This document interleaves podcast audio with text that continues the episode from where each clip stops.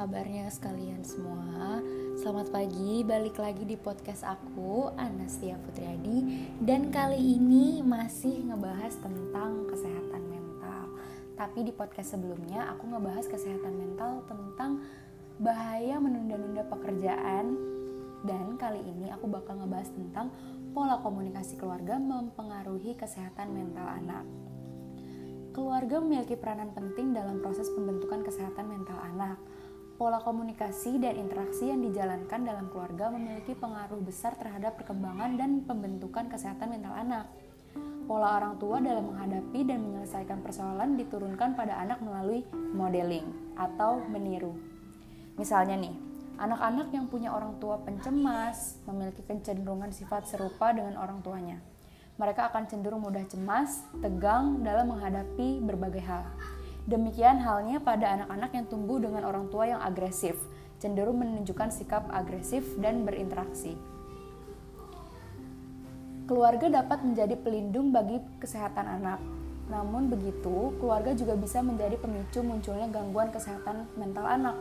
Misalnya saja pada anak-anak disabilitas, keluarga yang tidak utuh karena perceraian dan kehilangan figur ayah tidak hanya menjadi keputusan terberat dan menguras emosi bagi orang tua yang menjalaninya, tapi anak-anak pun juga bisa terkena imbasnya.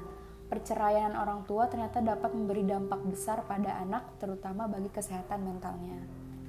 Anak-anak pastinya ingin memiliki orang tua yang lengkap, saling menyayangi, dan selalu ada untuk mendukungnya. Namun sayangnya, perceraian kadang-kadang tidak bisa dihindari sebagai satu-satunya solusi atas permasalahan rumah tangga yang dialami orang tua. Namun, sebelum memutuskan untuk bercerai, ada baiknya orang tua mempertimbangkan perasaan anak, sebab perceraian dapat mempengaruhi psikologis anak, bahkan tidak jarang menyebabkan gangguan mental pada anak. Berikut, aku mau ngasih tahu nih, dampak perceraian orang tua pada kesehatan mental anak. Dilansir dari laman Very Well Family, penelitian menemukan bahwa anak-anak mengalami kesulitan paling berat dalam satu atau dua tahun pertama setelah perceraian orang tuanya.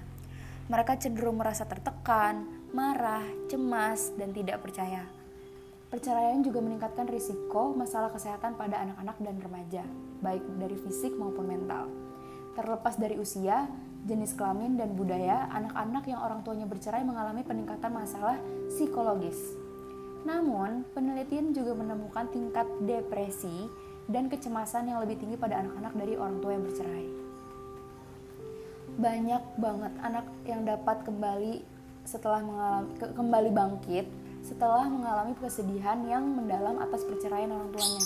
Mereka dapat menyesuaikan diri dengan perubahan dalam rutinitas harian mereka dan merasa nyaman dengan keadaan yang baru. Pada anak lainnya, mereka mungkin tidak akan pernah benar-benar kembali pulih setelah menghadapi perceraian orang tua mereka. Hal itu karena dampak perceraian pada tiap anak bisa berbeda-beda dan toleransi rasa sakit pada mental anak-anak juga pasti berbeda. Ada banyak hal dari perceraian yang mempengaruhi anak secara psikologis, berkurangnya kedekatan dengan salah satu orang tua dan berkurangnya kasih sayang dari orang tua setelah berceraian adalah beberapa di antaranya.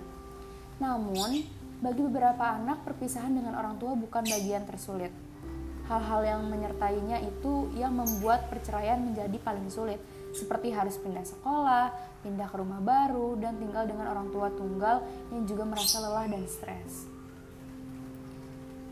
Ada pengasuh, ada pengasuhan seimbang. Dalam keluarga, ayah dan ibu memiliki peran penting dalam pengasuhan anak.